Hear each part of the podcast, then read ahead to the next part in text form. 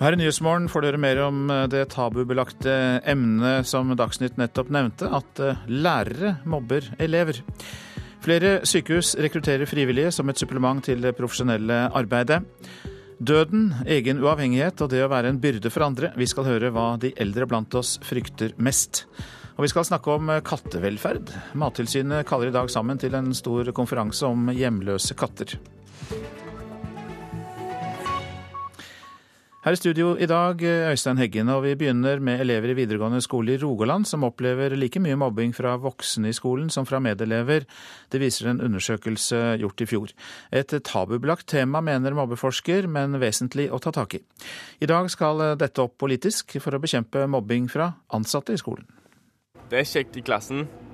Vi, vi snakker hyggelig og sånn. De er hyggelige på skolen vår, altså. Ja. Det sier David Mosinski. De aller fleste elevene i den videregående skolen opplever ikke å bli mobba av læreren. Men det finnes likevel tilfeller der lærere f.eks. latterliggjør elever i klasserommet. Han sier masse stygt til meg, jeg er ikke det leie, så jeg kødder med han. Så vi er liksom venner. For noen tåler det, noen tåler det ikke. Så du spør ikke hva person til person. Jeg fikk en gang noen til å legge seg ned på bakken utenfor gangen fordi de på en måte sov i timen. Så sto jeg på en måte og skjelte på dem at de var babyer og at de måtte legge seg ned og sove på gangen. Så, ja. Det er en forskjell i makt mellom lærer og elev som, eh, som gjør trakassering, eventuell trakassering fra en lærer mot en elev, farlig, og eleven blir sårbar. Sier mobbeforsker ved Universitetet i Stavanger, Erling Roland. Hans forskning har vist at om lag 5% av lærere i grunnskolen har mobba elever. En elevundersøkelse i fjor viser at det òg skjer i videregående. En for stor del av våre elever som svarte at de følte at de hadde blitt eh, mobba eller trakassert fra ansatte i skolen sier seksjonssjef i Rogaland fylkeskommune Randi Hummervoll. I fjor var det like mange videregående elever i Rogaland som meldte fra mobbing fra voksne på skolen som mobbing fra medelever. Og skolene håndterer mobbing fra voksne forskjellig. Det vi ønsker nå, det er jo å fortsette denne jobbinga som er gjort på skolene, men bl.a. med at vi vil ta det opp en rektorsamling til våren, der en skal dele erfaringer, slik at andre skoler kan ta del i gode erfaringer fra andre skoler. Jeg tror nok at det er litt tabuprega dette her. For det er et, det er et skummelt tema å, å, å, komme inn på. Eh, det er vanskelig for kolleger å, å gripe inn. Det kan jo være vanskelig for ledelsen å gripe inn. Og det gjør en elev enda mer sårbar for uh, trakassering, mobbing fra en lærer enn fra medelever. I skoletrappa på en av de videregående skolene i Stavanger er det sesongstarten av Skam som er samtaleemnet. Elevene forteller at ironi fra læreren er vanlig, men at de fleste elever tåler det. Vi er jo eldre, så vi forstår mer. Vi kan vet, vite hva de, hva de kødder de med oss og sånn. Ja, det som elever sjøl i hvert fall forteller meg, da, det er at de kan bli latterliggjort av en lærer. Eh, og det er nesten umulig å forsvare seg mot uh, i en klassesituasjon, f.eks. Uh, og en annen kanskje indirekte form det er at læreren lar det skje. Altså at lar andre elever være ubehagelig med en elev, og lar det skje, og eleven får et inntrykk av at læreren på en måte henger seg på. I dag skal fylkespolitikerne i opplæringsutvalget stake veien videre for å bekjempe mobbing fra de voksne i skolene i Rogaland sette dette på kartet for skoleledere må være svært viktig, men også for alle ansatte på, på skolen. F.eks. For i form av seminar, eh, diskusjoner på skolen osv. Okay. Elevene er opptatt av at mobbing fra kateteret ikke er greit og må bli tatt tak i. Helt i tråd med mobbeforsker Roland sitt budskap. Ikke feie det under teppet, for vi har et problem. Det er ikke stort, men det er alvorlig. Og og det å sette søkelyset på det, det er alltid fornuftig. Reporter Cecilie Berntsen Jåsund. Flere sykehus rekrutterer nå frivillige som et supplement til det profesjonelle arbeidet. Frivillige ved Haukeland universitetssykehus i Bergen blir bl.a. brukt som veivisere for pasienter og pårørende. Kan jeg hjelpe dere, eller? Ja. Kjevekirurgisk avdeling. Randi Børdal spaserer rundt i resepsjonen på sentralblokka ved Haukeland universitetssykehus. Hun jakter etter forvirra blikk blant pasienter og pårørende som ikke vet hvor de skal. Kjevekirurgisk? Ja, da skal du vel opp i andre, da.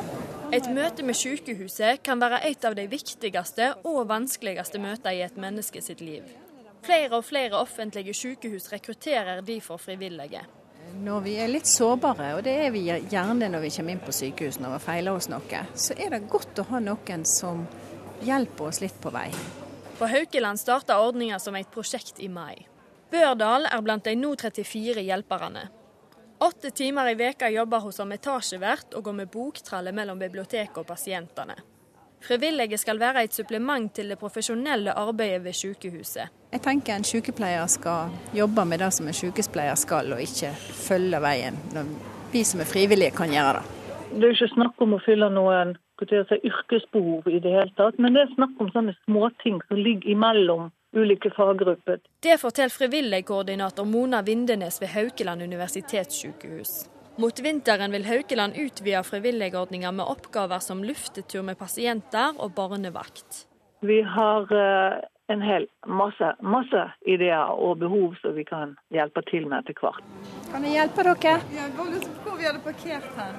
enten der ute, eller så kan det være bak på den sida der òg. Ja. Mariann Einen er på vei ut fra sentralblokka på Haukeland, men er usikker på hvor hun kom fra. Etter å ha fått hjelp fra etasjeverten, tror en frivilligordninga kan lette på trykket for mange besøkende. Det er veldig mange som kommer inn her på Haukeland, så er det stort og kanskje litt uoversiktlig for mange. Så det, det er veldig positivt. Selv om Randi Børdal er pensjonist, begynte hun som frivillig fordi hun følte et samfunnsansvar. Det var fordi jeg hadde tid til overs, var frisk og rask og liker folk. Og tenkte at jeg kan eh, være behjelpelig med denne oppgaven. Det å jobbe som frivillig er givende for Børdal. Jeg opplever at veldig mange er veldig glad for at vi finnes og at vi hjelper dem. Og eh, det gir en glede tilbake igjen. Lykke til.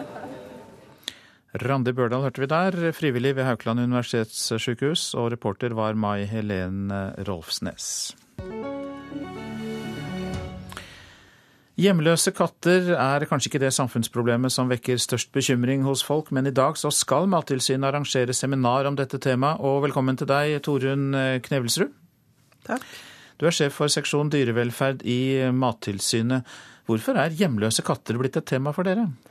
Det er jo faktisk mange som bekymrer seg for disse kattene, hvordan de har det. Og de det er jo selvfølgelig sjenanse en del steder også. Eh, så det har egentlig vært oppmerksomhet rundt det i mange år fra de som er interessert i dyr, iallfall. Eh, nå, og det er mange også som har kritisert Mattilsynet for ikke å gjøre nok. Så nå har vi ønsket å da samle Eh, de som er interessert i dette problemet, både fra offentlige myndigheter og fra dyrevernorganisasjoner, og utveksle tanker og ideer eh, om hvordan eh, disse kattene kan håndteres på en bedre måte. Og Vi ønsker også å sette rett og slett fokus på katten selv som et dyr med egenverdi, og som kanskje har for lav status i samfunnet vårt i dag. Ja, altså Villkatter kalte vi det kanskje før, nå kaller vi det hjemløse katter. Eh, kan vi ikke bare akseptere at noen katter lever et eh, friere og tøffere liv? Nei, Det finnes ikke noen noe villkatter i Norge. Alle katter i Norge stammer fra et hjem, enten, i, eh, enten katten selv eller noen generasjoner tilbake. Og de kattene er ikke tilpasset til å leve fritt og vilt under norske forhold, så de er ofte utsatt for sykdom og sult og lever egentlig et ganske dårlig liv. Eh, er det en annen tradisjon for å behandle hunder enn katter? Ja, det er nok det. Altså, I Norge så lar vi jo nesten aldri hunder streife fritt rundt, slik som katter får. Så vi har jo ikke noe problem med forvillede hunder i Norge i det hele tatt. Som det har det jo i mange andre land. Så katten har vel opprinnelig vært mer et uh, husdyr som har vært i fjøs og fanget rotter og mus og sånn, og som folk da har sett på at uh, kan klare seg selv. Mens denne virkeligheten trenger like mye stell og oppmerksomhet som den hun gjør. Ja, Men vi kan vel ikke begynne å gå tur med katten i bånd? Nei, de er ikke så lett å dirigere på den måten. Vi ser jo noen som gjør det også. Men eh, hvis man får en, en, katt, eller man flytter til et nytt sted f.eks., så er det viktig at katten blir godt kjent med det nye hjemmet sitt før den får slippe ut på egen hånd. Eh, ellers så kommer den lett på streif. Og det er også veldig viktig at man ikke slipper ut katten uten at den er både ID-merket og sterilisert eller kastrert. Hva mener dere da i Mattilsynet bør gjøres med de etter hvert mange hjemløse kattene, da, i tillegg til å be folk å ID-merke og passe på dem? Ja, det finnes dessverre ikke noen sånn enkel løsning. og Mattilsynet har ikke fått i oppdrag av politikerne å bruke ressurser selv på dette, men vi vil veldig gjerne samarbeide med dyrevernorganisasjoner og frivillige. Eh, sånn at de kattene som er iallfall egnet til det, som er sosiale nok, Eh, kan finne nye hjem, eh, bli omplassert til nye, gode eiere. Men dessverre så er det en del av disse kattene som er veldig lite sosiale og kanskje syke og slik, og da er nok ofte avliving den beste løsningen for en del av de kattene.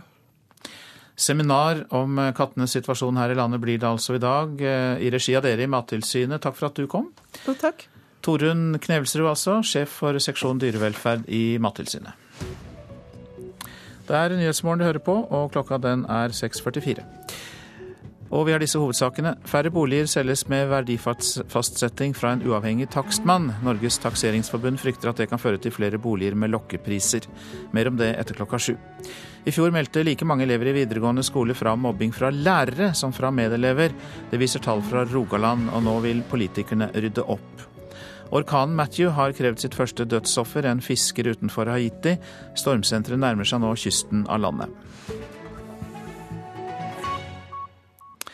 Tor Arne Hetland har hatt fokus på tre ting vi nå skal høre om. Og det har han hatt fokus på etter han ble sjef for herrenes langrennslandslag for et halvt år siden. Og mm, det skal vi få vite mer om til vinteren, mener han. Det har gått fint. Eh, guttene har trent, eh, trent, godt, og vi har hatt eh, gode samlinger og hatt bra trøkk. Det er landslagstrener Tor Arne Hetlands oppsummering av hvordan det har gått etter et halvt år som hovedtrener for herrenes A-landslag i langrenn. Og på det halve året som har gått, er det spesielt tre ting han har hatt fokus på. Alle guttene har fokus på, på avslutning på, på løpene, med, både med siste 100-meterne, men like viktig er jo de siste to kilometerne.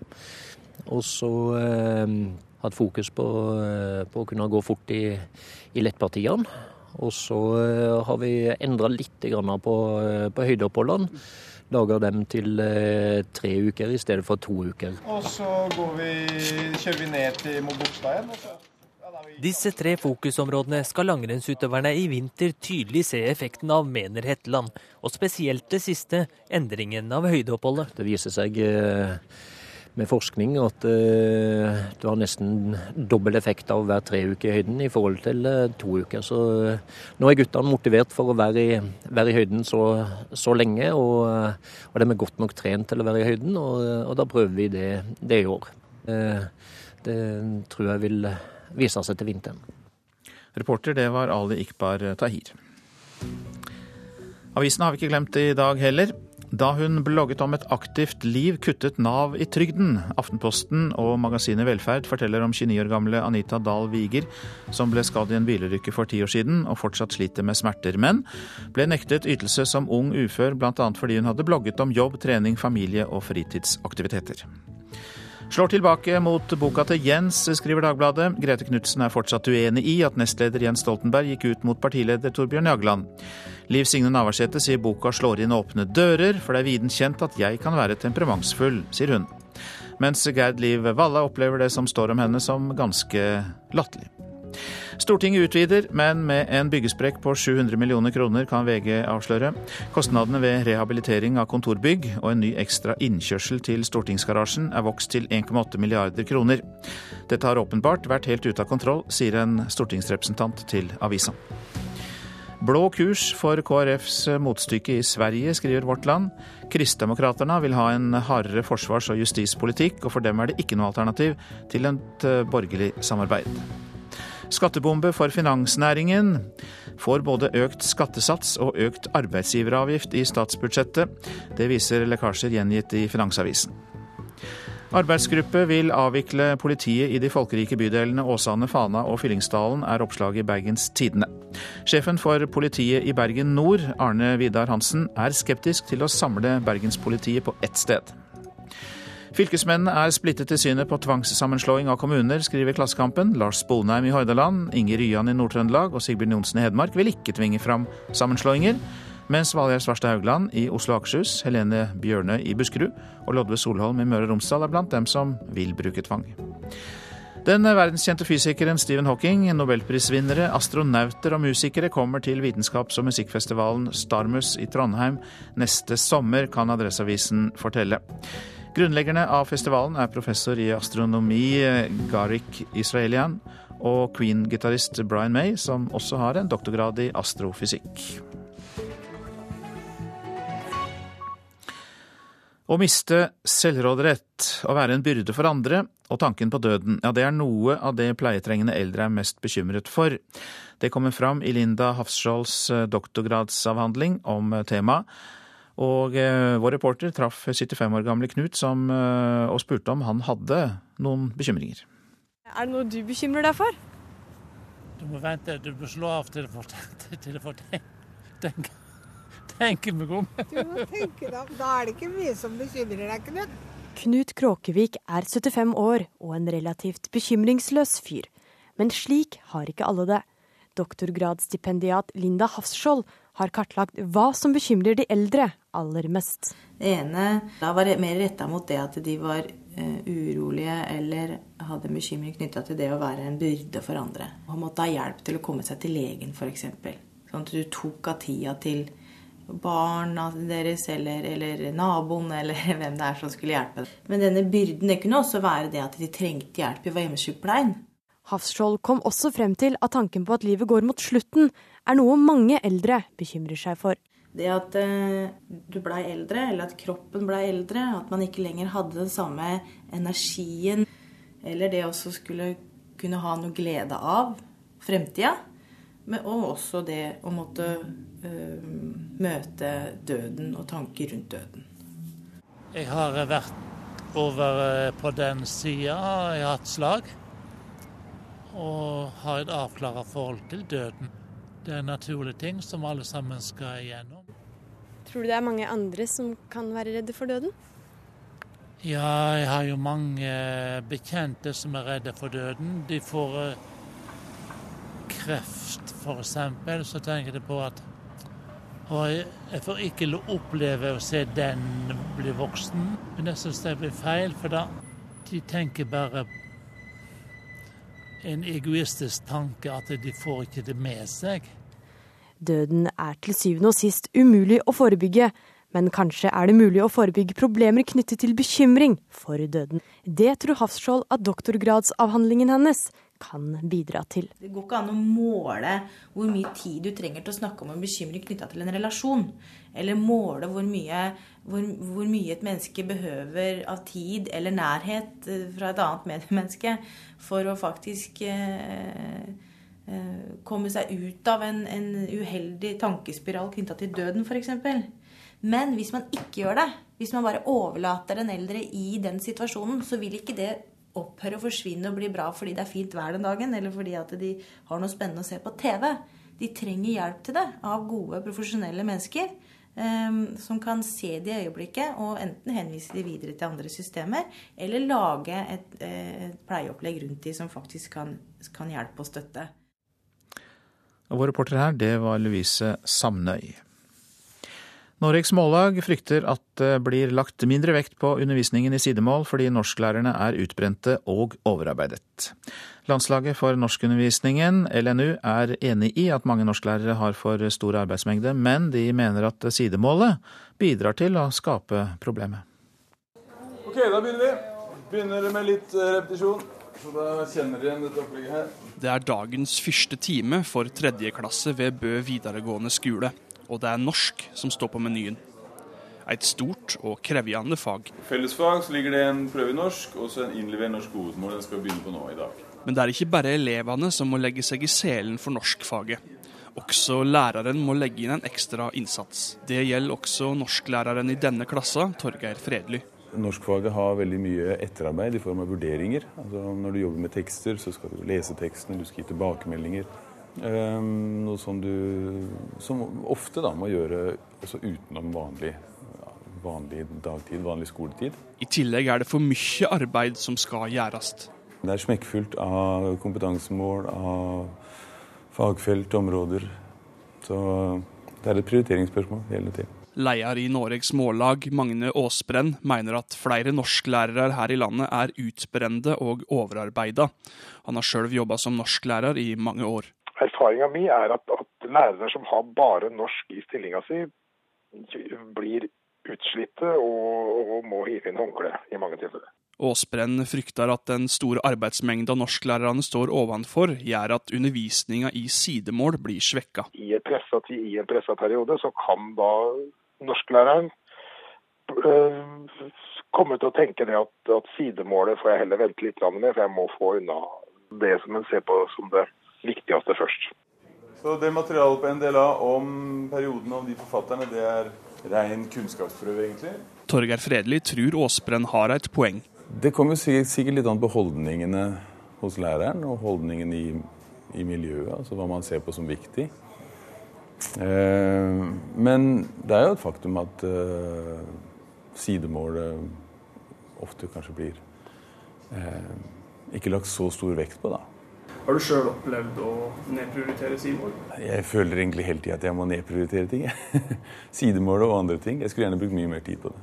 Daglig leder i Landslaget for norskundervisning, Benedikte Eide, er enig med Aasbrenn i at norsklærerne har for mye å gjøre, men de mener at den store arbeidsmengda skyldes at lærerne må sette i tre karakterer i faget, deriblant en sidemålskarakter. Da tenker vi bl.a. på vurderingsordningen i norskfaget, hvor vi i et firetimersfag eh, skal gi tre ulike karakterer. Det er det ingen andre fag som gjør i et så lite fag. Eh, og det bidrar til både eh, at det styrer organiseringen av undervisningen, og det kan oppleves eh, som tung vurderingsbyrde.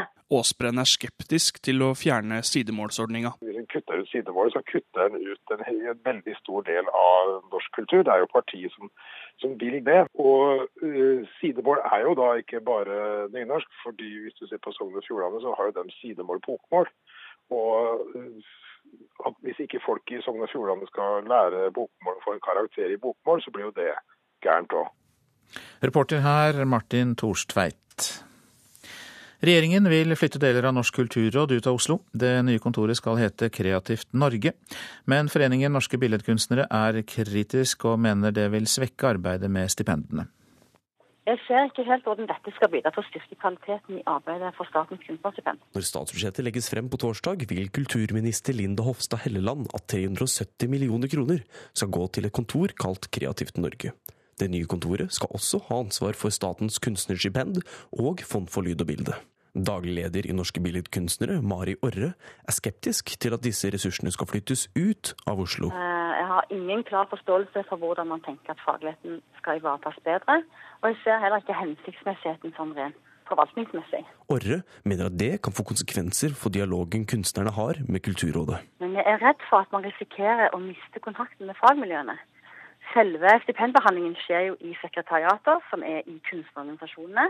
Og alle disse 24 sekretariatene har jo sine kontorer her i Oslo. Kulturministeren er ikke enig. Og når vi nå utvikler kunstnerpolitikken til en bredere virkemiddelapparat, så er det først og fremst for å bedre også kunstnerne sin økonomi. Så jeg tror at eh, når det her får virke, så vil eh, mange bli eh, veldig fornøyd og si at dette her var et godt grep. Helleland mener at regjeringen nå tar tak i kritikken Kulturrådet har fått for å være for Oslo-basert. Det har vært eh, mye kritikk mot eh, Kulturrådet, at eh, det er samla for mye kulturmakt i Oslo på for få hender. Det at vi tar det grepet her nå, er et også tydelig signal fra myndighetene om at vi skal ha kulturmakt rundt i hele landet. Det er ikke sånn at alle pengene går til de som bor i Oslo, men det går selvfølgelig prosentvis mest til der hvor det bor flest. Og pengene i Norsk kulturfond fordeles etter sammensetning av fagutvalg, og de kommer fra hele landet. Det sier direktør for Norsk kulturråd, Kristin Danielsen. Hun mener oppstarten av Kreativt Norge vil få flere positive følger. Eh, det at man velger å plassere det utenfor Oslo, er jo både fordi at Kulturrådet skal være til stede flere steder i landet, og fordi at det da finnes fagmiljøer som kanskje er sterkere på akkurat kreative næringer enn det vi har selv.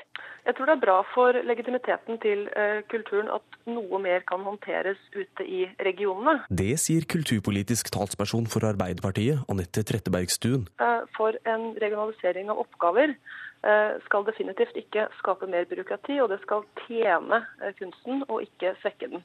Så her gleder jeg meg til å se hva regjeringen egentlig legger frem. Eh, men det er også ekstremt viktig at dette gjøres sammen med og ikke mot kulturlivet selv. Og det var Philip Johannesborg og Anette Johansen Espeland som var reportere. Så tar vi for oss værvarselet, og i dag dekker et stort høytrykk hele landet, så så kort kunne vi gjort værvarselet, men vi tar med oss noen detaljer. Sør-Norge stort sett pent vær med mye sol. Nattefrost har det vært eh, mange steder i Innlandet, men det blir ganske mildt utpå dagen. Lite vind, men eh, nordøstlig oppe i liten kuling langs sørlandskysten. Nord-Norge fint vær med en del sol de fleste steder, men i ytre Finnmark kan det lokalt komme litt regn i morgentimene. Sørlig frisk bris langs kysten, men fra i ettermiddag liten kuling i Lofoten, Vesterålen og Troms. Og så var det Spitsbergen. Opp i sørlig liten kuling. Snø og sludd og seinere regn, så høytrykket når jo da ikke ut i havet der. Temperaturer målt klokka fem i natt. Svalbard lufthavn minus to. Kirkenes pluss tre. Vardø, Alta, Tromsø og Bodø alle med fire. Brønnøysund sju. Trondheim og Molde med tre. Bergen-Flesland fem. Stavanger åtte. Kristiansand, Kjevik fire. Gardermoen én grad. Lillehammer null. Røros er nede i minus sju. Oslo-Blindern eh, fem plussgrader for eh, to timer siden, altså. Har Norge verdens reneste oljeproduksjon med minst CO2-utslipp? Det er ikke så sikkert. Eh, vi skal høre mer om det i den neste halvtimen her i Nyhetsmorgen.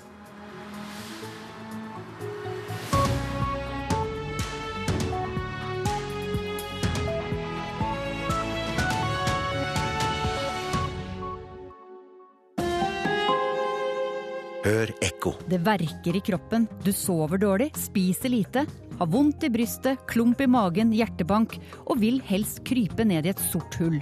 Sorg påvirker kroppen. Ja, du kan faktisk dø av det. Men det finnes råd om hvordan du skal orke å være så lei deg.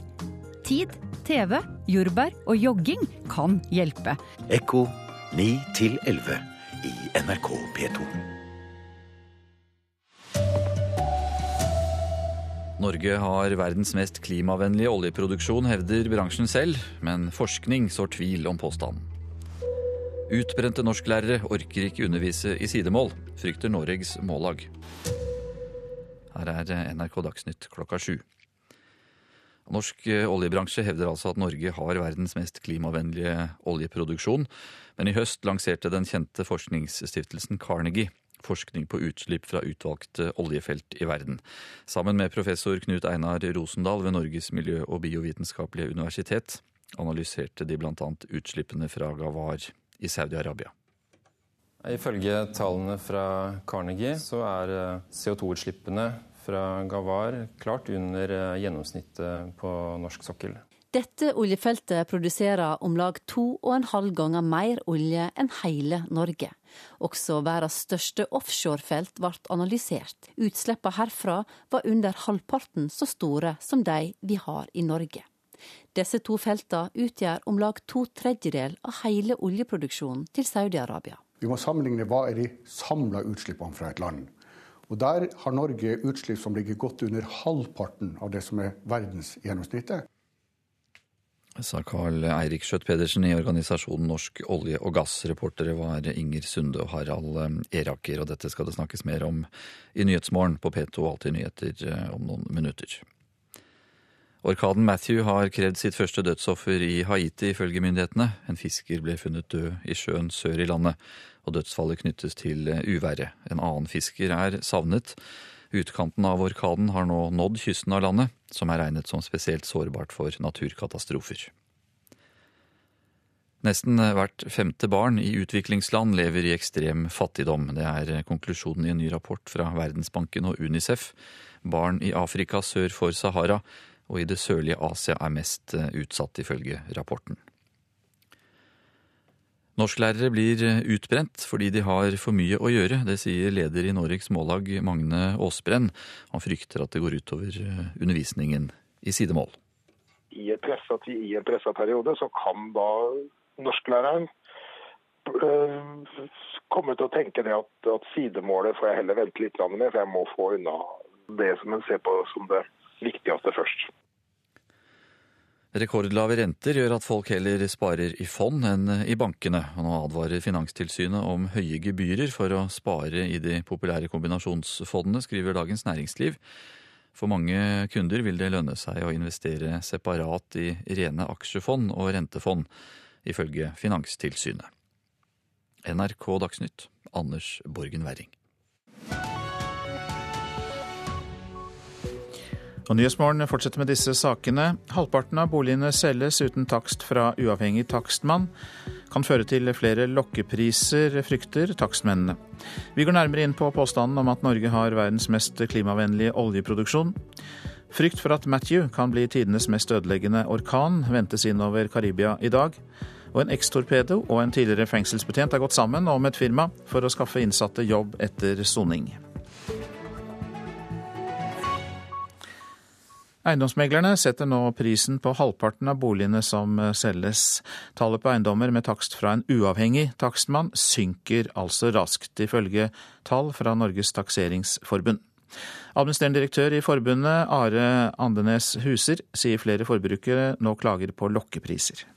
Særlig i Oslo-markedet så er det jo lett å se en sammenheng mellom de utfordringene som eiendomsmarkedet har med lokkepriser, og det faktum at man har tatt bort den eneste uavhengige, objektive opplysningen om verdier. Vi får stor pågang av forbrukere som rett og slett ikke skjønner hva som foregår. I noen deler av landet har det vært sånn i mange år, men i Oslo slutta meglerne å bruke takst fra takstmenn på vårparten. Der er det blant annet et høyt tre.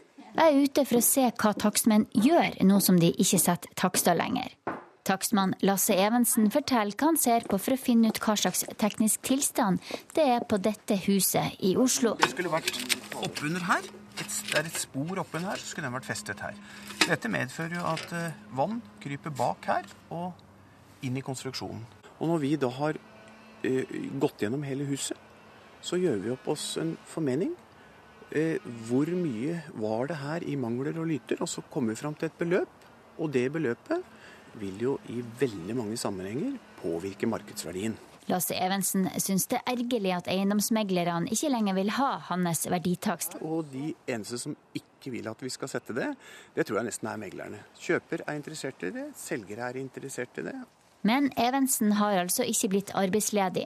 Oppdragsmengden har faktisk gått opp i bransjen. De skriver tilstandsrapporter uten å anslå markedspris. Dvs. Si fortsatt settes det takst på om lag halvparten av bruktboligene som selges, men andelen synker ifølge nye tall fra Norges Takseringsforbund. Og Det er en uheldig utvikling for forbrukerne i boligmarkedet. Det mener administrerende direktør Are Andenes Huser i Takseringsforbundet. Vi ser nå, eh, særlig i Oslo-markedet, en uholdbar situasjon der det er godt dokumentert med en utstrakt bruk av lokkepriser. Så du mener at lokkeprisfenomenet blir mye større som følge av at meglerne tok over prissettinga? Ja, det er i hvert fall vanskelig å ikke tenke at det er en sammenheng når dette sammenfaller så godt i tid eh, som det gjør. Det mener Huser i Takseringsforbundet. Kristian Wammervoll Dreyer er administrerende direktør i Eiendom Norge, og mener derimot det er riktig at eiendomsmeglere setter prisen. Dette er en naturlig rollefordeling som ikke bare er vanlig over, eh, stort sett over hele landet, men også en normal arbeidsfordeling du ser i, i andre land. Bør ikke det være en uavhengig vurdering som ligger til grunn for forbrukeren sitt beste? Den prisen som eh, megler går ut med, er en kombinasjon av eh, det megler mener boligen er verdt, og boligselger, det boligselger er villig til å, å selge boligen for. Og så vil jo markedet til slutt felle en dom i forhold til hva boligen blir solgt for. Men Are Andenes Huser, som leder Takseringsforbundet, frykter at denne nye utviklinga vil undergrave tilliten i boligomsetninga. Vi opplever for tiden et eh, brennhett eh, marked, eh, der forbrukere skal bruke oppsparte midler og, og lånte midler på sitt livs største handel. Da trenger de mer og bedre objektiv informasjon, ikke uklarhet om prissettingen. Reporter Linda Reinholdsen. Norsk oljebransje hevder at Norge har verdens mest klimavennlige oljeproduksjon. Men uh, ny forskning fra USA slår sprekker i forestillingen mange i Norge har om hvor ren produksjonen av olje er her i landet. Norge er det landet i verden som har minst utslipp fra egen produksjon. Vi slipper ut om lag halvparten av det andre land gjør. Og Derfor er det en stor fordel for klimaet og verdenssamfunnet hvis den olje og gassen som trenges, kan leveres fra de som har minst utslipp, og det er altså Norge. Rein norsk produksjon er oljebransjen sitt viktigste klimaargument for å åpne nye oljefelt i Norge. Etter klimaavtalen i Paris hevda direktør Karl Eirik Skjøtt-Pedersen i Norsk olje og gass at Norge bør være det siste landet i verden som skrur igjen oljekranene. Derfor er ikke olje fra Norge det som bør stenges først ned. Det er faktisk det som bør stenges sist ned av oljeproduksjon. Men det finnes ingen statistikk som bekrefter at Norge har renest produksjon. Den statistikken som oljebransjen sjøl bruker, viser at det er Midtøsten som har den reneste produksjonen i verden. Skjøtt-Pedersen hevder at Midtøsten feilrapporterer. De rapporterer om lag en femtedel av feltene sine, gjennomgående de som har lavest utslipp. Kan du dokumentere at de kun rapporterer sine laveste utslippsfelt? Vi vet i hvert fall at de rapporterer rundt en femtedel av sine felt, og vi må anta at det er de gunstigste. I høst lanserte den internasjonale forskningsstiftelsen Carnegie ny forskning på utslipp fra utvalgte oljefelt verden over. Sammen med professor Knut Einar Rosendal ved Norges miljø- og biovitenskapelige universitet analyserte Carnegie bl.a. utslippene fra verdens største oljefelt, Gawar, som ligger i Saudi-Arabia. Ifølge tallene fra Carnegie så er eh, CO2-utslippene fra Gawar klart under eh, gjennomsnittet på norsk sokkel. Dette oljefeltet produserer om lag to og en halv ganger mer olje enn hele Norge. Også verdens største offshorefelt ble analysert. Det ligger også i Saudi-Arabia og produserer om lag like mye som Norge per år. Utslippene herfra var under halvparten så store som de vi har i Norge. Disse to feltene utgjør om lag to tredjedel av hele oljeproduksjonen til Saudi-Arabia. Det er gjennomgående sånn at store felt slipper ut mindre enn små felt. Vi må sammenligne hva er de samla utslippene fra et land. Og Der har Norge utslipp som ligger godt under halvparten av det som er verdensgjennomsnittet. Dessverre er det slik at Saudi-Arabia bare rapporterer inn knapt en fjerdedel av sin samla produksjon. Derfor er det ikke mulig å sammenligne de to landene. Reporter her var Inger Sunde, og Brennpunkt-dokumentaren 'Oljelobbyisten' vises på NRK1 i kveld. Men vi skal også knytte noen kommentarer til eh, dette. God morgen til deg, kommentator i NRK, Magnus Takva. Mm. Det kan virke vanskelig å sammenligne hvilke felt som er renest oljeproduksjon, hørte vi jo her. Men hvor problematisk er det for Norge at funnene fra Carnegies forskning fra Saudi-Arabia viser CO2-utslipp ved store felt der som ligger under gjennomsnittet for Norge? Altså det disse tallene sier, er det samme som har eh, vært rapportert eh, de siste fem-seks årene. Eh, og etter 2008, tror jeg der, så har det kommet fram at oljefelt i Midtøsten er, når det gjelder klimautslipp, CO2-utslipp, skal vi si, bedre enn Norge. Så Eh, det som jeg for så vidt syns er problematisk, er at man eh, fra eh, oljebransjen insister, fremdeles insisterer på det argumentasjonen om at Norge er verdens ledende liksom på eh, klimavennlig produksjon av olje og gass. Det hadde holdt med å si at vi er blant de ledende, og, og få, ikke få den typen skal vi si, unødvendig detaljdiskusjon. Ja, så Syns du da det er betenkelig denne aktive lobbyvirksomheten da, fra Norsk olje og gass og eh, ikke minst Karl Erik Skjøtt Pedersen, som vi hørte her? Altså I den grad oljebransjen i Norge bruker la oss si, dette som et hovedargument for at uh, den norske oljeproduksjonen blant uh, mange skal stenges sist ned, så, så uh, har de jo en dårlig argumentasjon. Men det at oljebransjen for så vidt driver påvirkning og, og lobbyvirksomhet, i seg selv er, er, er, ikke noe problem. Sånn, sånn er det jo. og i denne reportasjen fra Brennpunkt så ble det jo påpekt fra miljøbevegelsen i Europa at de sidestilte for så vidt den norske regjeringen og oljelobbyen. Altså den norske regjeringen, norske oljeministeren, har akkurat den samme argumentasjonen som i og for seg Skjøtt-Pedersen har nå, og som tidligere oljeministre i tidligere regjeringer har hatt. Ja, så Da står jo på en måte alle sammen i det paradokset Norge har, at vi fortsatt uh lobber for og driver oljeproduksjon, samtidig som vi jobber for å få ned CO2-utslipp. Ja, og det er klart, dette er en av de mest potente eller konfliktfylte temaene i norsk politikk. Og ingen forvalter sannheten. Det som er stridens kjerne, er jo for det første når eh, er det eh, riktig å fase ut norsk eh, olje- og petroleumsvirksomhet? På hvilket tidspunkt vil, vil på en måte vi møte markedet slik at det blir ulønnsomt å fortsette med investeringer og, olje- og gassproduksjon. Der er det klart eh, en reell diskusjon. Det som kanskje er problemet, er dersom norske myndigheter, norske lobbyister, på en måte hevder at den norske olje- og gassproduksjonen er nødvendig for å redde klimaet. Det er bedre, etter min mening, da å være åpen på at dette også, har også en økonomisk side for Norge. Mange takk skal du ha for den kommentaren, Magnus eh, Takvam, eh, politisk eh, kommentator her hos oss. Så har du kommet til studio, Bjørn Myklebust, og du har jo Politisk kvarter om en drøy halvtime. Hva får vi høre der? Ja, Vi ses etterpå, Magnus, for herr Takvam han kommer til meg også. Du, Jeg har latt meg inspirere av dagens aviser. VG skriver om Høyre, som har tatt fram kalkulatoren og funnet ut at Arbeiderpartiet må øke skattene med 26 milliarder kroner for å innfri egne løfter. Ehm, Arbeiderpartiet mener åpenbart at den kalkulatoren ikke fungerer, mangler batteri, et eller annet. Ehm, og så en annen avissak, litt beslekta. Klassekampen de har også regnet. Norges 50 rikeste får i snitt 20 millioner hver i skattelette denne stortingsperioden. Og da passet det fint at jeg allerede hadde invitert Høyre og Arbeiderpartiet i studio kvart på åtte om skattekalkulatorer og rikinger. Takk skal du ha, Bjørne Myklebust. Det blir om eh, temmelig nøyaktig en halvtime i Politisk kvarter. Dette er Nyhetsmorgen, og klokka nærmer seg kvart over sju. Færre boliger selges med verdifastsetting fra en uavhengig takstmann. Norges takseringsforbund frykter at det kan føre til flere boliger med lokkepriser. Norsk oljebransje hevder at Norge har verdens mest klimavennlige oljeproduksjon, men ny forskning fra USA slår sprekker i denne forestillingen. Nesten hvert eh, femte barn i utviklingsland lever i ekstrem fattigdom. Det er konklusjonen i en ny rapport fra Verdensbanken og Unicef. Barn i Afrika sør for Sahara og i det sørlige Asia mest utsatt.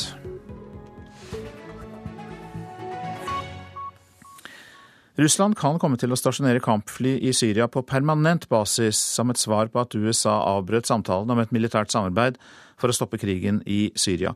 USA sa i går kveld at de har gitt opp forsøkene på å komme til en enighet med Russland. Korrespondent Morten Jentoft i Moskva, svaret fra Russland kan altså da bli en ytterligere opptrapping av den militære støtten til den syriske presidenten Bashar al-Assad? Ja, det kan det bli. Eh, ifølge nyhetsbyrået Interfax så skal eh, det russiske parlamentet Dumaen kanskje allerede på fredag da, ta stilling til eh, et forslag om en permanent utplassering av flystyrker i eh, Syria. Eh, det finnes allerede en eh, avtale om dette med syriske myndigheter, men den har ikke blitt ratifisert av, av Russland ennå. Vi vet jo at russerne har flystyrker på en flybase utenfor byen Latakia vest i Syria. Syria. Men dette vil altså sannsynligvis bety en ytterligere opptrapping og en permanent utplassering av disse styrkene. Russerne har jo allerede sagt at de er eh, eh klar til å sende nye bombefly tilbake igjen til Syria. Eh, Vladimir Putin kunngjorde jo i vår, 15.3, at eh, man ville trekke tilbake en del av disse flystyrkene som hadde vært på denne basen. Nå eh, eh, er det mye som tyder på at russerne da altså vil styrke denne basen basen igjen og sende ytterligere fly tilbake igjen til Syria. Men sett fra russiske myndigheters side, hva var grunnene til at det ikke lyktes å komme fram til en våpenhvile som holder i Syria? Ja, eh, Pressetalskvinne i det russiske utenriksdepartementet, Maria Sakharova, hun var raskt ute i går kveld og la skylden for det som har skjedd, på amerikanske myndigheter. Amerikanerne har aldri klart å skille, sa hun, eh, mellom eh, den såkalte moderate opposisjonen i Syria, som de støtter, og det som russerne definerer som terrorister. Eh, eh, og det er eh, hovedårsaken til at den våpenhvileavtalen som man da i prinsippet ble enige om allerede 9.9, den holdt aldri fordi at amerikanerne etter russisk mening da ikke klarte å, eller hadde ikke kontroll da, over de forskjellige eh, opprørsgruppene i Syria. Sånn at russerne mener at amerikanerne da ikke har oppfylt sin del av denne avtalen. Og så må vi ikke glemme at det fortsatt jobbes i FN med å få til en våpenhvile i den syriske byen Aleppo. Hvordan stiller Russland seg til det arbeidet? Ja, Det er jo et fransk forslag som, som ligger på bordet i FNs eh, sikkerhetsråd. og eh, Den russiske FN-ambassadøren Vitalij Tsjurkin han sa i går at det kanskje er muligheter via FN å få til en, en, en, en enighet her. Så får vi se hva den enigheten eventuelt innebærer, om amerikanerne er villige til å gå med på de premissene som, som, som legges her. Men mye tyder jo på at vi går inn i en periode nå der, der disse voldsomme angrepene på den opprørskontrollerte delen av Aleppo fortsetter for fullt, og at uh, russerne i samarbeid med den syriske hæren uh, president Bashar al-Assad styrker, eh, ønsker å framtvinge en militær løsning i Syria for på den måten å forhandle ut ifra styrke om en mer permanent våpenhvile. Takk for at du oppdaterte oss, korrespondent i Moskva, Morten Jentoft. Kraftig regn herjer nå i Haiti. Det er et forvarsel om at orkanen Matthew er på vei og ventes å treffe landet i morgentimene. Meteorologene advarer nå om at det kan være den mest ødeleggende orkanen noen gang. Barna leker på gulvet og aner lite om hva som er i vente. Sammen med foreldre har de måttet forlate heimene sine og søkt tilflukt på et evakueringssenter i havnebyen Lekai. Det er barn her uten mat, sier ei av kvinnene, Florén. Vi har vært sultne siden i går, og jeg kan ikke dra hjem. Alle eiendelene våre er blitt våte. Flere tusen innbyggere på Haiti har søkt tilflukt på skoler og andre evakueringssenter, medan de venter på at orkanen Matthew skal slå innover landet.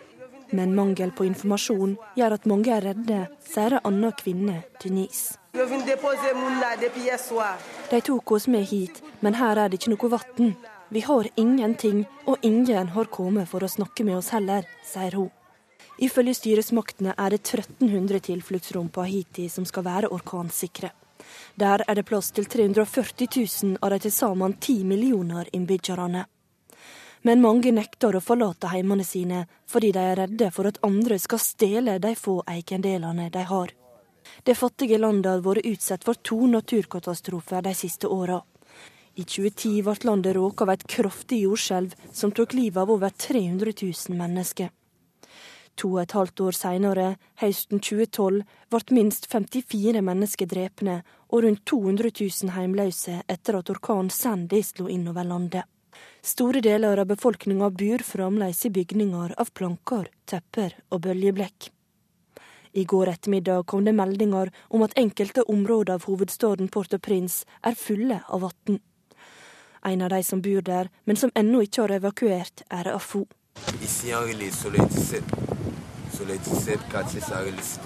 Dette er den mest utsatte bydelen i dette området. Folk vet at orkanen er på vei, og dersom situasjonen blir verre, samler vi oss og holder sammen, sier han. Orkanen Matthew har vindkast på opptil 220 km i timen, men selve orkanen beveger seg svært sakte. Den flytter seg med en fart på bare 9 km i timen, og med denne kombinasjonen kan orkanen gjøre store skader. Også på Cuba forbereder de seg. Cubanere er vante med orkaner, og innbyggerne sier at de er nøyde med forholdsreglene styresmaktene har tatt. Eh, Nå tar de oss med til et tryggere område, sier Jaidel Masora. Et område der barna og de eldre er tryggere. Sammen med flere hundre andre blir hun kjørt med buss til Gutanamo-universitetet. Der er forelesningssalene gjort om til sovesaler. Me siento segura aquí porque, bueno, aquí fue donde Jeg kjenner meg trygg her, sier Deglise Verdesia, som har tatt med seg det hun klarte å bære. Alexis Iglesias har ansvaret for evakueringa i Guantánamo-provinsen, og forteller at de som bor i låglandet er spesielt utsatte. Når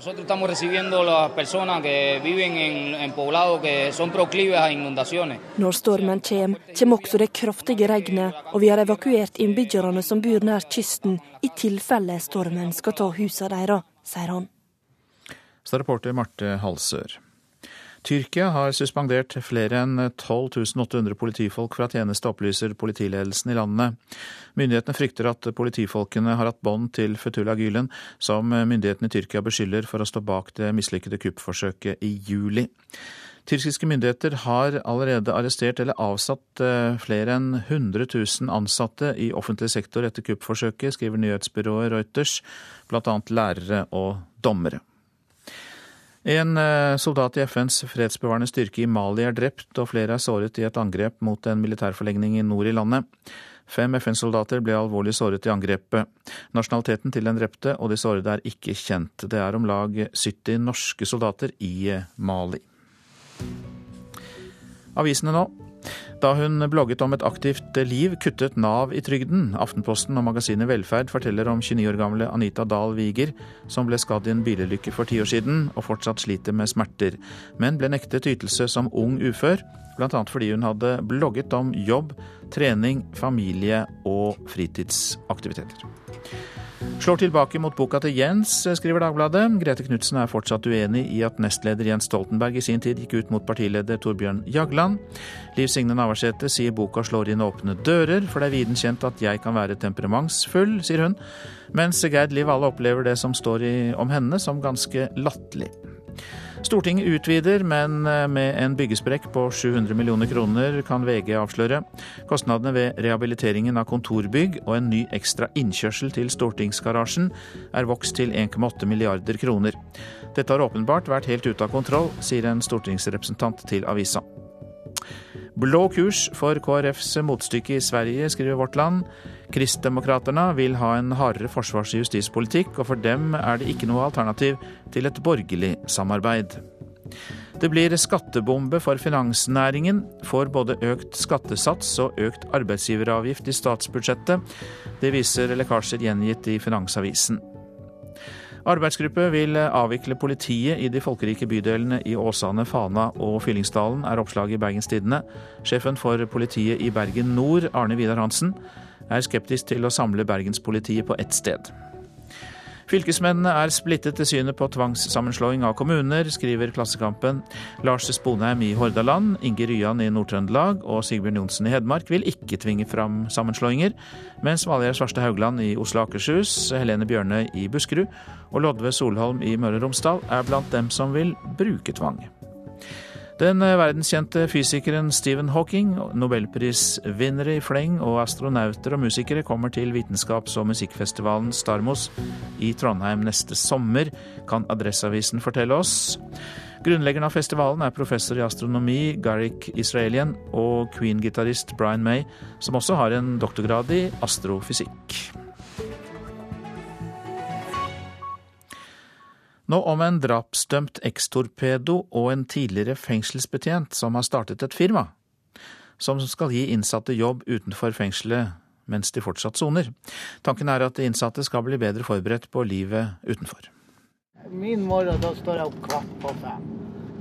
Og så bruker jeg å dusje, så koker jeg kaffe. Det er tidlig morgen, og klokken har så vidt rukket å bli halv syv idet fergen fra fengselsøyen Bastøy setter kursen mot land. Han er en av de innsatte, men pendler den lange veien med båt og buss til Larvik for å jobbe. En jobb som kan hjelpe ham tilbake til et normalt liv. Det betyr jo stort sett alt. For jeg slipper ut i mai til neste år. Og ellers har man jo ikke hatt noe å gå til. Og det å ha en jobb å gå til er viktig når gamle vaner skal endres. Selv soner han en dom for rus og vold. Så nå er det stopp. For det går ikke bare utover meg.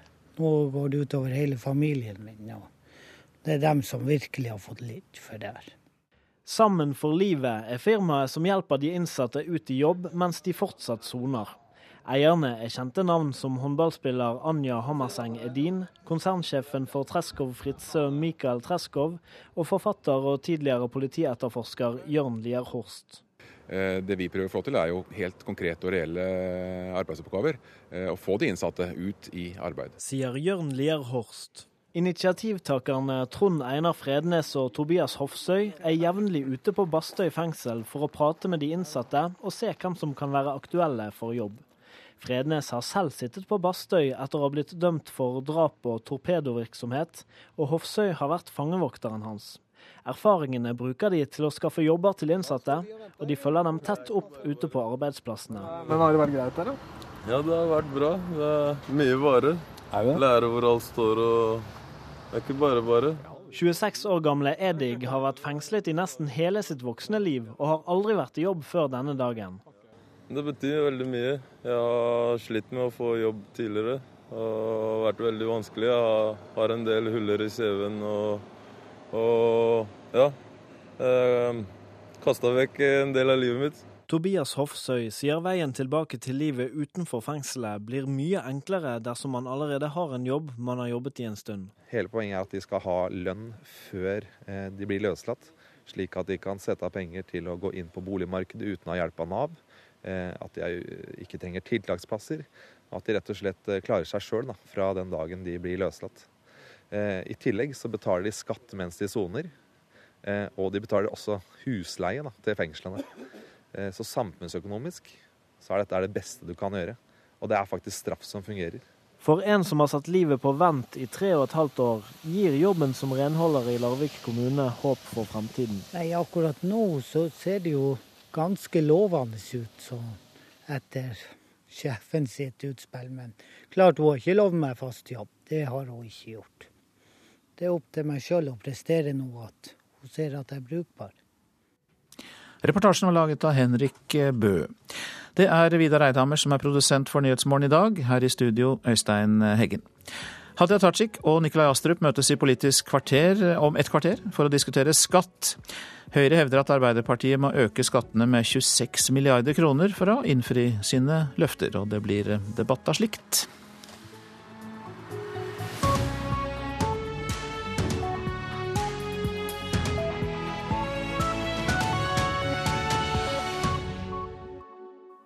Spillerom i dag. Musikkstudiene hans ble avbrutt da en bombe slo ned i Musikkonservatoriet i Damaskus. Møt den syriske slagverkeren Fadel, som la ut på en farlig reise over Middelhavet i gummibåt for å prøve lykken på Norges musikkhøgskole. Fra 11 til 12, spillerom på NRK P2.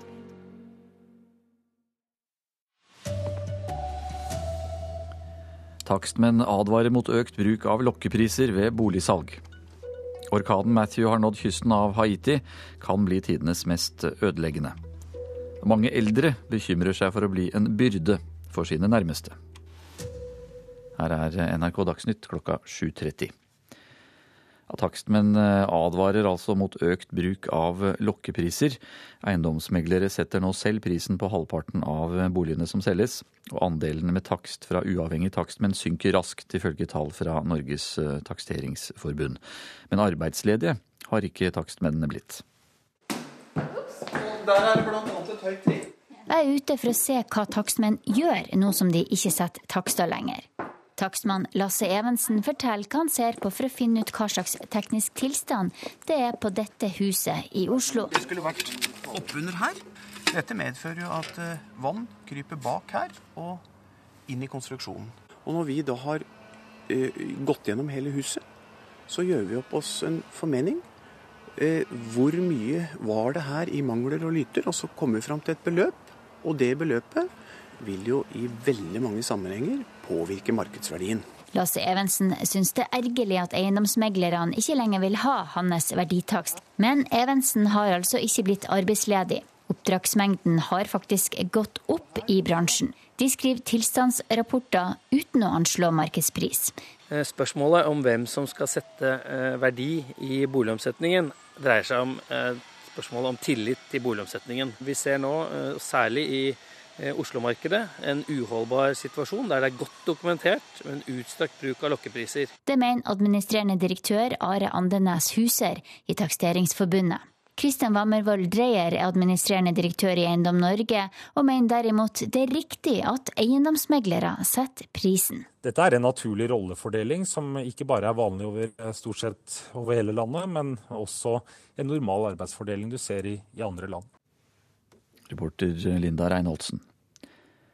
Forskning sår tvil om at Norge har verdens mest klimavennlige oljeproduksjon, men eh, organisasjonen Norsk olje og gass med Carl Eirik Schjøtt-Pedersen i spissen prøver å selge norsk olje som miljøvennlig. Norge er det landet i verden som har minst utslipp fra egen produksjon. Vi slipper ut om lag halvparten av det andre land gjør. Og Derfor er det en stor fordel for klimaet og verdenssamfunnet hvis den olje og gassen som trenges, kan leveres fra de som har minst utslipp, og det er altså Norge. Men det finnes ingen statistikk som bekrefter at Norge har renest produksjon. I høst lanserte den internasjonale forskningsstiftelsen Carnegie ny forskning på utslipp fra utvalgte oljefelt verden over. Sammen med professor Knut Einar Rosendal ved Norges miljø- og biovitenskapelige universitet analyserte Carnegie bl.a. utslippene fra verdens største oljefelt, Gawar, som ligger i Saudi-Arabia. Ifølge tallene fra Carnegie så er eh, CO2-utslippene fra Gawar klart under eh, gjennomsnittet på norsk sokkel. Dette oljefeltet produserer om lag to og en halv ganger mer olje enn hele Norge. Også verdens største offshorefelt ble analysert. Utslippene herfra var under halvparten så store som de vi har i Norge. Disse to feltene utgjør om lag to tredjedel av hele oljeproduksjonen til Saudi-Arabia. Vi må sammenligne hva er de samla utslippene fra et land. Og Der har Norge utslipp som ligger godt under halvparten av det som er verdensgjennomsnittet. Reportere Inger Sunde og Harald Eraker. Brennpunkt-dokumentaren 'Oljelobbyisten' vises på NRK1 i kveld klokka 21.30.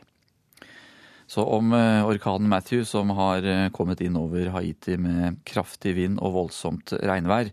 Meteorologene mener den kan bli den mest ødeleggende orkanen noen gang.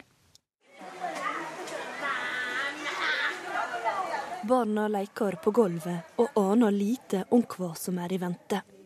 Sammen med foreldre har de måttet forlate heimene sine og søkt tilflukt på et evakueringssenter i havnebyen Lekai. Det er barn her uten mat, sier ei av kvinnene, Florén. Flere tusen innbyggere på Haiti har søkt tilflukt på skoler og andre evakueringssenter, medan de venter på at orkanen Matthew skal slå inn over landet. Men mangel på informasjon gjør at mange er redde, sier ei anna kvinne, Denise. De tok oss med hit, men her er det ikke noe vann. Vi har ingenting, og ingen har kommet for å snakke med oss heller, sier hun. Det fattige landet har vært utsatt for to naturkatastrofer de siste åra. I 2010 ble landet råket av et kraftig jordskjelv som tok livet av over 300 000 mennesker. To og et halvt år seinere, høsten 2012, ble minst 54 mennesker drepne og rundt 200 000 heimløse etter at orkanen Sandy slo innover landet. Store deler av befolkninga bor fremdeles i bygninger av planker, tepper og bøljeblekk. I går ettermiddag kom det meldinger om at enkelte områder av hovedstaden Port-au-Prince er fulle av vann. En av de som bor der, men som ennå ikke har evakuert, er Afo. Dette er den mest utsatte bydelen i dette området. Folk vet at orkanen er på vei, og dersom situasjonen blir verre, samler vi oss og holder sammen, sier han. Orkanen Matthew har vindkast på opptil 220 km i timen, men selve orkanen beveger seg svært sakte. Den flytter seg med en fart på bare 9 km i timen, og med denne kombinasjonen kan orkanen gjøre store skader. Sa reporter eh, Marte Halsør. Tyrkia har suspendert flere enn 12 800 politifolk fra tjeneste, opplyser politiledelsen i landet. Myndighetene frykter politifolkene som nå er tatt ut av tjeneste, har bånd til Fetullah Gulen, som er mistenkt for å stå bak det mislykkede kuppforsøket i juli. Tyrkiske myndigheter har allerede arrestert eller avsatt flere enn 100 000 ansatte i offentlig sektor etter kuppforsøket. Landets aller rikeste får til eh, sammen én eh, milliard i skattelette i løpet av eh, de blås regjeringsperiode. Det viser beregninger avisa Klassekampen har gjort for Norges 50 rikeste personer. Grunnlaget for beregningen er ligningsformue, og de 50 som har mest, får altså en skattereduksjon på 1 milliard over fire år. Høyre-Frp-regjeringen gikk til valg på å fjerne formuesskatten, som siden er gradvis redusert. Bunnfradraget er hevet til 1,4 millioner kroner, og skattesatsen er redusert til 0,85% I 2014 ble det innbetalt 13,5 milliarder i formuesskatt. Mye penger, men bare 1% av statens skatteinntekter. Formuesskatten er likevel viktig fordi den er den mest utjevnende skatten vi har, sier seniorforsker Simen Markussen ved Frischsenteret til Klassekampen. Og det sa reporter Katrin Hellesnes. To personer ble lettere skadd da et eh, passasjertog sporet av på Helgeland eh, i Nordland i går kveld. Ulykken skjedde nord for Bjerka i Hemnes, da toget kjørte på en steinblokk som lå i skinnegangen, forteller eh, politiets operasjonsleder Vegard Vårdal. Da var det en stein på ca. en kubikkmeter som, som, toget kjørte inn i. Det gjorde at toget spora av, men kjørte ikke av og velta. Det ble stående fortsatt på, på skinnene. Hva vet dere om hvordan denne steinblokken havnet på skinnegangen? Foreløpig så har vi ingen uh, svar på hvordan den steinblokka havna der. Det vil uh, undersøkelser i løpet av, av tirsdagen uh, kanskje gi svar på. Reporter Haldor Asvald. Å miste selvrådsrett, være en byrde for andre og tanken på døden er noe av det pleietrengende eldre bekymrer seg mest for. Ja, det kommer fram i en doktorgradsavhandling om temaet. Er det noe du bekymrer deg for? Du må vente, du må slå av til det får, tenke. Tenk, tenk meg om. Du må tenke deg Da er det ikke mye som bekymrer deg, Knut. Knut Kråkevik er 75 år og en relativt bekymringsløs fyr. Men slik har ikke alle det. Doktorgradsstipendiat Linda Hafskjold har kartlagt hva som bekymrer de eldre aller mest. Det ene var mer retta mot det at de var uh, urolige eller hadde en bekymring knytta til det å være en byrde for andre. Og måtte ha hjelp til å komme seg til legen, f.eks. Sånn at du tok av tida til barna deres eller, eller naboen eller hvem det er som skulle hjelpe. Hafskjold kom også frem til at tanken på at livet går mot slutten, er noe mange eldre bekymrer seg for. Eller det også skulle kunne ha noe glede av fremtida.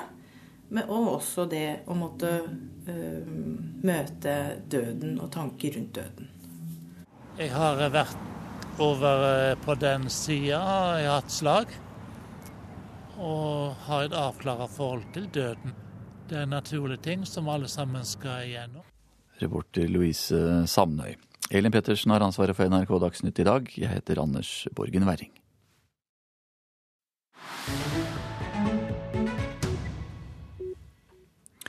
Sør-Sudan i Nyhetsmorgen nå, for der har kampene mellom president Salwa Kiir og visepresident Rik Mashars styrker spisset seg til. Mashar har oppfordret til eh, væpnet kamp mot eh, regjeringen. Flere mener det er på tide at de to går av med pensjon, forteller Afrikakorrespondent Sverre Tom Radøy. The number of South Sudanese refugees sheltering in neighboring countries has passed uh, the one million mark. Five years after independence, this is a very sad milestone. En million har nå flyktet ut av landet, sa FNs talsmann Leo Dobbs. Langt flere er interne flyktninger. 185 000 har rømt bare siden juli. Selskaper, privatpersoner og stater har spyttet inn hundrevis av milliarder kroner i Sør-Sudan. Til hvilken nytte? Vi er frustrerte, sa Samantha Power, USAs FN-ambassadør, da hun nylig besøkte Sør-Sudan. USA alene har bidratt med nær 100 milliarder kroner. Avkastningen har vært mager. Donorer trekker seg nå. Hjelpen blir mindre. Behovet øker. Men fiffen i Juba og kretsen rundt trenger ingen kronerulling.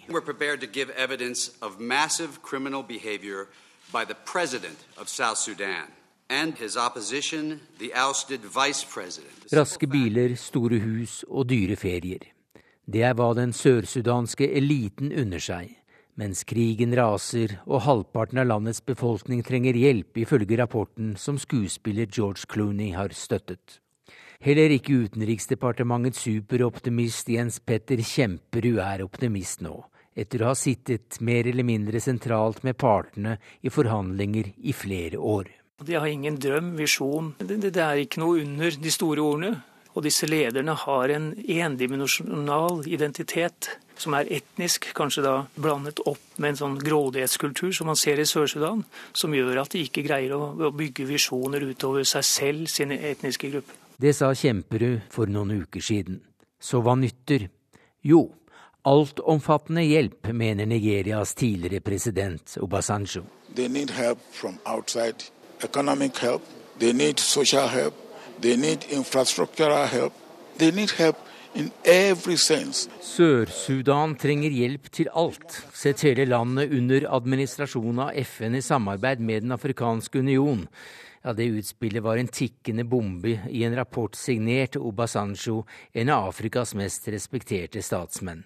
Men han fikk også støtte, blant annet av to diplomatiske og akademiske tungvektere, USAs tidligere spesialutsending til Sør-Sudan, Princeton Lehman, og Kate Anquist Knoff, direktør for Afrikasenteret for strategiske studier. I en artikkel i Financial Times kaller de forslaget life support, men egentlig er det livredning for verdens yngste stat, de mener. De vil forhandle fram en pensjonsavtale for Salva Kiir og Rik Mashar og etablere et styre under Den afrikanske union og FN, som skal sitte i 10-15 år. De nevner spesielt Norge, antakelig som en av statene med et særlig ansvar for Sør-Sudan som fødselshjelper da landet brøt med Sudan for fem år siden. Norge bør også ta en del av omkostningene. Paret viser til at noe lignende har skjedd før, og trekke fram FNs rolle i oppbyggingen av Kosovo og Øst-Timor. Men størst oppmerksomhet for en slik idé fikk altså Obasanjo. Da NRK traff ham, var han opptatt av mot, at lederne burde være mandige nok til å erkjenne at ikke de får dette til, og ydmyke nok til å akseptere at landet settes under administrasjon. They should be humble enough to accept that they need help and to accept that help when it's given to them. Hovedsaker i Nyhetsmorgen. Færre boliger selges med verdifastsetting fra en uavhengig takstmann. Norges takseringsforbund frykter at det kan føre til flere boliger med lokkepriser. Norsk eh, oljebransje hevder at Norge har verdens mest klimavennlige oljeproduksjon, men ny forskning fra USA viser at eh, Saudi-Arabia har lavere CO2-utslipp fra noen av sine felt enn det Norge har. Orkanen Matthew har nå kommet inn over Haiti med kraftig vind og voldsomt regnvær. Meteorologene mener den kan bli den mest ødeleggende orkanen noen gang. Landets aller rikeste får til sammen en milliard i skattelette i løpet av Høyres og FrPs regjeringsperiode. Det viser beregninger avisen Klassekampen har gjort for Norges 50 rikeste personer. Og det går mot Politisk kvarter. Programleder der, Bjørn Myklebust.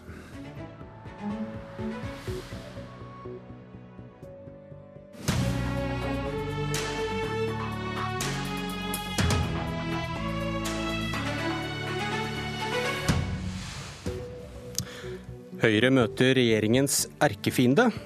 Det er jo Venstre, tenkte du kanskje nå, men hvis vi lar bensinprisen ligge bare én dag, så lar vi Arbeiderpartiet spille rollen. Og det passer fint. Påstander om begge partienes skattepolitikk hagler i dagens aviser. For Arbeiderpartiet må øke skattene med 26 milliarder kroner for å innfri egne løfter. Nikolai Astrup, dette er Høyres regnestykke. Hvordan kom dere fram til dette tallet? Nei, Vi har sett på hva Arbeiderpartiet har lovet eh, det siste året etter at de la frem sitt alternative budsjett, og da løfter som ikke er dekket inn i det alternative budsjettet de la frem. Et budsjett for øvrig som, hvor de allerede la opp til minst 10 milliarder kroner i skatte, skatteøkninger. Um, og eh, så ser vi at eh, et minimumsanslag for å dekke inn de løftene de her har kommet med, i tillegg vil være at de må øke skattene med et sted mellom 25 og 33 uh, milliarder kroner. Gi et konkret eksempel. Nei, Det kan f.eks. være egenandelstak på tannhelse. Eh, I dag så er det jo bare de som eh, har de største behovene, som får dekket regningen av det offentlige. Eh, og Det har de lagt inn med kroner null i sitt alternative budsjett. Og det er noe som antagelig koster et sted mellom 4,5 og 7 milliarder kroner. Men dere har da brukt landsmøtevedtak, forslag i Stortinget og alternativt budsjett. Men dere sammenligner kun da med tallene i alternativt budsjett når dere skal regne sammen, der de har prioritert og prioritert bort. Så dere sauser sammen, på godt norsk? Nei, jeg mener ikke vi gjør det. fordi eh, Aps eh, alternative budsjett det er det de hadde tenkt å gjøre hvis de satt med makten alene i 2016. Og så har de da i tillegg kommet med en rekke løfter som må dekkes inn i 2017-budsjettet. Eh, og skal man ta, altså, tro på de løftene, så betyr det enten at de må øke skattene betydelig, eller at de må kutte i andre utgifter med tilsvarende summer. Og Da snakker vi om betydelige summer. Og jeg, jeg, jeg, kan, jeg kan, gjøre hoder, hoderegning ja. her og nå på regjeringens politikk og finne ut at dere mangler 13 milliarder kroner For, eksempel, for å innfri ett av deres løfter. Kan du tenke deg hva det er? Jeg regner med at du kommer til å fortelle meg det nå. så ja. det, det, er veldig greit. Det er kjent, eh, kjent eh, formuesskatten. Hvis man regner på den måten, så kommer jo dere ut i manko også. Dere har også lovet mye som dere ikke innfrir i deres budsjetter. Så kan du drive og sause sammen løfter på et landsmøte, i Stortinget og så sammenligne ja. med tallene i et budsjett? Jeg kan det, fordi Vi har sagt vi skal trappe ned eh, formuesskatten eh, på arbeidende kapital og på sikt eh, fjerne den. Det er, ikke begynn å ta, det er, ta. Det, ja, men det er vi i gang med. og Poenget er at det er tyd, en tydelig ambisjon som sier at vi går utover den inneværende stortingsperiode. Og vi er i gang med den jobben. Uh, men jeg, vi har ikke sagt at vi skal gjøre det innenfor denne stortingsperioden. De løftene som Arbeiderpartiet kommer med her, det er ingen annen måte å tolke det på enn at de skal gjennomføre det i løpet av kommende stortingsperiode. Okay, det er i løpet av fire år, og det er 33 milliarder. Og vi vet jo at Arbeiderpartiet tidligere så har de gitt store løfter. De har valgt å avlyse dem. De var, lovte 12 000 sykehjemsplasser f.eks. De gjennomførte ikke det. De lovte fylle, å fylle opp ja, svømmebassengene. De gjorde ikke det. Så det er selvfølgelig et annet alternativ for dem. Det er å bryte de løftene de nå kommer med. Hadia Tajik, nestleder i Arbeiderpartiet. Dere, dere øker altså skattene med 10 milliarder i deres alternative budsjett. og Høyre hevder dere må legge på minst 16 for å få regnestykket til å gå opp. Ja, dette er bare tøys. Men det er helt herlig å se at det er Jan Tore Sanner som går ut med dette her i VG. Eh, nå har jo Sanner sprunget rundt i over et år og påstått at Arbeiderpartiet ikke har politikk. Men nå viser han jo både at vi har politikk, at vi har høye ambisjoner for du, du hva vi skal klare å gjennomføre. Eh, men for det første så er jo tallene her feil. Eh, han eh, foreslår, eh, altså Regnestykket baserer seg på at man faser inn alt på én gang. Vi i Arbeiderpartiet, når vi gjennomfører våre ambisjoner, så innfører vi de skrittvis, gradvis, på en skikkelig måte. Gi et konkret eksempel du har tatt, tannhelse, som uh, dere har null, på til innfasing da, i deres alternative budsjett, tar, men som koster 4 milliarder? Jeg tar veldig gjerne et konkret eksempel. Et av de som de regner på, handler om fysisk aktivitet i skolen. Der uh, ligger det i vårt alternative budsjett 100 millioner kroner. I Høyre sitt regnestykke så er de oppe i 3,3 milliarder kroner. Nå vet jeg ikke hva det er de baserer tallene sine på, men man må vel nesten være medlem i Høyre for å komme fram til den type tall. Det høres jo nesten ut som at de vil at alle elevene skal få årskort på helsestudio. Men man skjønner jo at for eh, at elevene skal få en fysisk aktivitet i løpet av skolen, så, altså i løpet av skoledagen, så kan det bety type skattejakt i naturfagstimen. Det kan bety enkel fysisk aktivitet som er lett å tilrettelegge for, men som man selvfølgelig må sette av penger til. Og det gjør vi i våre alternative budsjetter. For det tredje så er det jo eh, landsmøtet til Arbeiderpartiet som til slutt avgjør hva Arbeiderpartiet går til valg på. Og Der kan jeg berolige Høyre med at heller ikke denne gangen så trenger de å vippe fram kalkulatoren for å finne ut hva summen blir. Igjen så kommer vi til å legge fram saldert politikk. Da er det verre med Høyre. De lovte i forkant av valget at, man, at de skulle gi mer enn 12 milliarder kroner til sykehusene. Det var et av Bent Høie og regjeringens store løfter. Og så har de i ettertid, for å forklare hvorfor de ikke klarer å nå det målet, sagt at grunnen til det er at oljeprisen falt. Men Astrup Sannheten er jo at de lå godt under løftene sine allerede før oljeprisen falt. Det er mange måter å regne på, Astrup. Sannheten er at helsekøene går nedover med, i rask hastighet. Ventetidene reduseres dramatisk. Bare se på rus og psykiatri, hvor ventetidene nå er redusert fra over 60 dager til 37 dager. Et veldig tydelig løfte som ble poeng, gitt i forkant. Poenget er at ethvert problem fra Arbeiderpartiet skal løses ved å kaste mer penger på det. Vi mener jo at skal vi klare å møte de utfordringene Norge står overfor i fremtiden, og i og for seg også i dag, så må vi gjøre ting på en annen måte, på en bedre måte. Vi har gjort ting på en annen og bedre måte i helsesektoren. Det har gjort at ventetidene går ned. Helsekøene er redusert med over 50 000 mennesker. Okay. Det er tydelig klare resultater. Men, la meg få lov å ta til hennes eksempel. fordi at Hun sier at ja, fysisk aktivitet var skattejakt i naturfagstimene. Men hennes partileder Jonas Gahr Støre var helt krystallklar i pressen på at det var snakk om én time gym hver dag. Og det koster 3,3 milliarder? Og det koster et sted mellom 3,3 og 7,4 milliarder kroner. Er fullt ut mulig å gjennomføre én times fysisk aktivitet i skolen med de pengene som vi legger inn. Det er vi, det, når Astrup det vi sier, enige om, men det er ikke det vi har sagt. Vi skal ha en time gym. når Astrup sier at de gjør ting på en annen måte, så har han dessverre helt rett i det. De har for å finansiere sine budsjetter tatt penger fra oljefondet. De siste tre årene så har, det de økt, oljepe si har de økt oljepengebruken mer enn det man gjorde de ti foregående årene. De sa at de skulle redusere byråkratiet, men i stedet så ser vi at byråkratiet øker, og at de sjøl gjennomfører krumspring for okay. å klare å eh, jeg, regne seg fram til skjønner, jeg skjønner. Dere er der begge beskylder hverandre for løftebrudd, både fortidig og fremtidig. Men Tajik, et, eh, et sentralt premiss i all argumentasjon fra Arbeiderpartiet er at dere har større lommebok enn Høyre, fordi dere vil ha et høyere skattenivå. Men så blir dere jo da, som i dag, plaget hele tiden for dere ikke har svart på hvor mye større den lommeboka er. Hvor mye dere vil øke skattene med hvis dere får makt. Og Så lenge dere ikke svarer på det, så biter kanskje ikke de angrepene på skatteletten. Hva Arbeiderpartiet mener om skatt er ikke noe mystisk. Det fremgår av alle våre alternative budsjetter. Eh, Der står det bl.a. at vi har bidratt til å få bedriftsbeskatningen ned. eh, At for vanlige folk så vil to av tre betale omtrent det samme som de gjør i dag i skatt. Men de som har mest, de vil måtte betale mer med Arbeiderpartiets politikk. Men dere flytter gulvet hele tiden. Dere sier aldri hvor mye av skattelettene regjeringen har innført. 18 milliarder til nå, kommer kanskje litt mer på torsdag i statsbudsjettet, som dere vil reversere. Det er det svaret man ikke får svar på. Hvor mye vil Arbeiderpartiet øke skattene med når dere går til valg 2017 og hvis dere får makt? Vi har vært tydelige på vårt skattenivå i alle våre alternative budsjetter. Det er ikke riktig at dette er spesielt mystisk. Våre budsjetter har alltid gått opp. Vi fører en trygg og ansvarlig økonomisk politikk. Når det gjelder rammene for de neste fire årene, så er det vanlig at det kommer i partiprogrammet. Det blir vedtatt på landsmøtet. Men igjen, det kommer heller ikke til å være spesielt mystisk. Vårt utgangspunkt er at de som har mest, skal betale mest. Vanlige folk de kan regne med omtrent det samme skattenivået som de har i dag. Omtrent det samme skattenivået som de har i dag. Ehm, Det vil si at dere vil gå til valg Vil det, vil, vil det si Astrup, at de vil gå til valg på å øke skattene? Ja, det Hvis du skal tro henne på det, da. De, de gjør jo det, for de sier at skattene skal opp. Det er, Hadia Tajik har helt rett. Det er ingenting mystisk med Arbeiderpartiets skattepolitikk. Skattene skal opp. Spørsmålet er hvor mye. Og jeg tror jo eh, Tajik og hennes parti undervurderer hvor skadelig det nå kan være fordi, eh, for, den, eh, for den forbedringen vi har sett i norsk økonomi, hvis man setter skattene kraftig opp for næringslivet. For det det handler om, er jo ikke bedriftseierne, det handler om arbeidsplassene. Okay. Norske arbeidsplasser. Og vi må skape flere jobber i privat Ja. sektor hvis vi skal klare å trygge det velferdssamfunnet som vi alle setter pris på. Fint stikkord, eh, Astrup, for eh, Klassekampen har også regnet i dag. De skriver om nevnte formuesskatten. Og Norges 50 rikeste vil få i snitt 20 millioner i skattelette av regjeringen denne perioden. Du liker kanskje Klassekampen bedre enn dagens VG, Tajik? Den viser i hvert fall veldig tydelig at den skattepolitikken som Høyre fører, eh, som jo allerede vet at ikke skaper flere arbeidsplasser, til tross for at de har prøvd å selge den som vekstfremmende, så har den ikke skapt en eneste ny arbeidsplass.